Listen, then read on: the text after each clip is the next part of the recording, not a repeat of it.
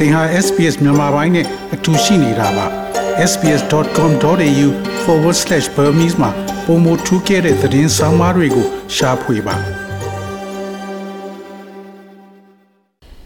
ဩစတြေးလျနိုင်ငံရဲ့မဲပေးစနစ်ဟာနှစ်သက်ရာအလိုက်မဲပေးခြင်းစနစ် preferential voting system ကိုကျင့်သုံးပြီးကိုယ်စားလှယ်လောင်းတွေကိုရွေးချယ်တင်မြှောက်ကြတာဖြစ်ပါတယ်။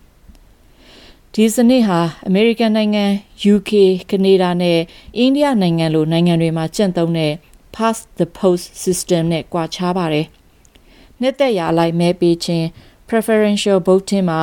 မိမိကြိုက်နှစ်သက်ရာကိုယ်စားလှယ်တွေကိုမဲစာရွက်ပေါ်မှာဖော်ပြထားပြီးမဲစာရွက်ပေါ်ကကိုယ်စားလှယ်ကိုကြည့်ပြီးတော့မဲပေးသူတွေကအကြိုက်ဆုံးပုဂ္ဂိုလ်ကိုနံပါတ်1နံပါတ်2စသဖြင့်ကြိုက်နှစ်သက်ရာအစဉ်အလိုက်ရွေးချယ်တဲ့နည်းဖြစ်ပါတယ်။ ရွေးကောက်ပွဲကော်မရှင်က Evan Akin Smith ကအခုလိုရှင်းပြထားပါတယ် Yeah, when you come to a polling place, you get two ballot papers. One is a small green one, and that's for the House of Representatives. And the other one is probably, it depends where you are, but it's probably quite a big white ballot paper, and that's the Senate ballot paper. So မဲရုံကိုလာတဲ့အခါကျရင်မဲစာရွက်နှစ်ခုလက်ခံရရှိမှာဖြစ်ပါတယ်။ တစ်ခုကတော့အစိမ်းရောင်စာရွက်အသေးလေးဖြစ်ပြီးအစိမ်းရောင်မဲစာရွက်ကတော့အောက်လွှတ်တော်အတွက်ဖြစ်ပါတယ်။နောက်တစ်ခုကအဖြူရောင်မဲစာရွက်ကတော့အထက်လွှတ်တော်စီးနိတ်အတွက်ဖြစ်ပါတယ်။မိမိဒေတာကိုကိုစားပြုပေးမဲ့လူကိုရွေးချယ်တဲ့အခါမှာအစိမ်းရောင်မဲစာရွက်ပေါ်ကကိုယ်စားလှယ်ကိုရွေးချယ်တာဖြစ်ပြီးမိမိရဲ့ပြည်နယ်ကိုယ်စားလှယ်ကိုရွေးချယ်တဲ့အခါမှာတော့အဖြူရောင်မဲစာရွက်ပေါ်မှာဖော်ပြထားတာကိုရွေးချယ်တာပဲဖြစ်ပါတယ်။ အစိမ်းရောင်မဲစာရွက်ပေါ်မှာဆိုရင် ပေးထားတဲ့၄တောင်ကွက်အားလုံးကိုမိမိကြိုက်တဲ့ရာအလိုက်နံပါတ်တွေတတ်ဆင်ပေးရမှာဖြစ်ပါတယ်။အကြိုက်ဆုံးကိုယ်စားလှယ်လောင်းကိုနံပါတ်1မကြိုက်ဆုံးလူကို နောက်ဆုံးနံပါတ်တပ်ပေးရမှာဖြစ်တယ်လို့ရှင်းပြထားပါတယ်။အစိမ်းရောင်မဲစာရွက်ကအောက်လွှတ်တော်အမတ်ကိုရွေးချယ်တာဖြစ်ပြီးမိမိနေထိုင်ရာမဲဆန္ဒနယ်ကိုကိုစားပြုမဲ့လူတဦးကိုသာရွေးချယ်တာဖြစ်ပါတယ်။ အဖြူရောင်မဲစာရွက်ကတော့အထက်လွှတ်တော်ဒါမှမဟုတ်စစ်နှိပ်လွှတ်တော်အတွက်ဖြစ်ပြီးမိမိရဲ့ပြည်နယ်ကို ကိုစားပြုမဲ့လူကိုတဦးထဲမကရွေးချယ်တင်မြှောက်ကြတာဖြစ်ပါတယ်။အောက်လွှတ်တော်အတွက်ရေးတွေ့ရမှာကိုယ်စားလှယ်တဦးက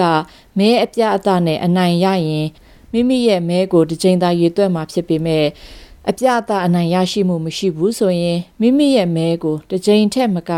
ရေးတွဲရမှာဖြစ်လို့အကြိုက်ဆုံးကိုယ်စားလှယ်ကိုနံပါတ်1ဒုတိယအကြိုက်ဆုံးကိုယ်စားလှယ်ကိုနံပါတ်2စသဖြင့်အစဉ်လိုက်ဖော်ပြထားတာကအဲ့ဒီနေရာမှာအကျုံးဝင်တာဖြစ်ပါတယ်။အပြအသအနိုင်ရခြင်းလို့ဆိုရမှာကိုယ်စားလှယ်တဦးက90ရာခိုင်နှုန်းနဲ့အထက်ထောက်ခံမှုရရှိရမှာဖြစ်ပါတယ်။စစ်နှိပ်လွတ်တော်မှာလည်းအချိုးကျကိုစားပြုမှုပေါ်မူတည်ပြီးကိုယ်စားလှယ်တွေကိုရွေးချယ်ကြတာဖြစ်ပါတယ်။ ဘဲကိုယ်စားလှယ်ကလိုအပ်တဲ့မဲအရေးအတွက်ရရှိတယ်လဲဆိုတာကိုသိရအောင်မိမိတို့ရဲ့မဲကိုတစ်ကြိမ်ထက်မနည်းရေးတွက်မှုလုပ်ပါတယ်။အဲဒါကြောင့်ပေးထားတဲ့၄000ကွက်အားလုံးကိုမိမိကြိုက်တဲ့ရာအလိုက်နံပါတ်တွေတပ်ပေးတာမျိုးလုပ်ဖို့လိုအပ်တာဖြစ်တယ်လို့ Latrobe တက္ကသိုလ်ကသူတည်သူ Ian Tullock ကပြောပါတယ် The candidate with the least number of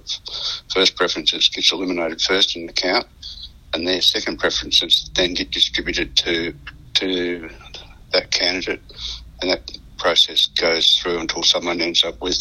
more than 50% of the vote မိမိအကြိုက်ဆုံးအဖြစ်ရွေးထားတဲ့လူကပထမဆုံးအကြိမ်မဲရည်တွက်မှုမှာမဲအနည်းဆုံးရရှိတဲ့အခါမှာအဲ့ဒီကိုယ်စားလှယ်လောင်းကိုဖယ်ရှားလိုက်ပြီးအဲ့ဒီနောက်ဒုတိယအကြိုက်အနှစ်သက်ဆုံးအဖြစ်မဲပေးထားတဲ့လူကိုကြည့်မှာဖြစ်ပါတယ်။ အဲ့ဒီမှာလိုအပ်တဲ့မဲအရေးအတွက်ရမရကြည့်ပြီးမရဘူးဆိုရင်တော့တတိယမြောက်ပုံကူကိုကြည့်ကြမှာဖြစ်ပြီးကိုယ်စလဲတူဦးကမဲ90ရာခိုင်နှုန်းကျော်ရတဲ့အထိရေးတွက်ကြမှာဖြစ်တယ်လို့ရှင်းပြထားတဲ့အကြောင်းရေးထားတဲ့ Stephanie Cosetti ရဲ့ဆောင်းပါးကိုတင်ဆက်ပေးလိုက်ပါရရှင်ဒါမျိုးသတင်းဆောင်းပါးတွေကိုပိုနားဆင်လိုပါလား Apple Podcast Google Podcast Spotify တို့မှာသင်ပင်ရာဖြစ်ဖြစ်ရယူတဲ့ podcast ကနေပါ